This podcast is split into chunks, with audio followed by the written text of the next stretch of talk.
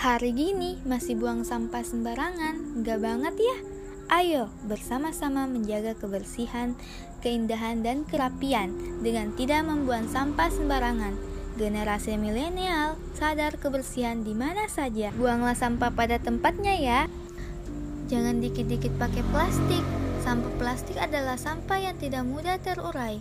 Proses pengolahannya menimbulkan toksit dan bersifat karsinogenik butuh waktu sampai ratusan tahun bila terurai secara alami. Gak perlu kekuatan super buat jadi pahlawan. Cukup sadar akan kebersihan, itu sudah cukup kok. Ayo, peduli dengan bumi kita dimulai dari hal yang kecil, dengan belajar membuang sampah pada tempatnya, dan mengajak orang-orang sadar akan pentingnya melindungi bumi ini.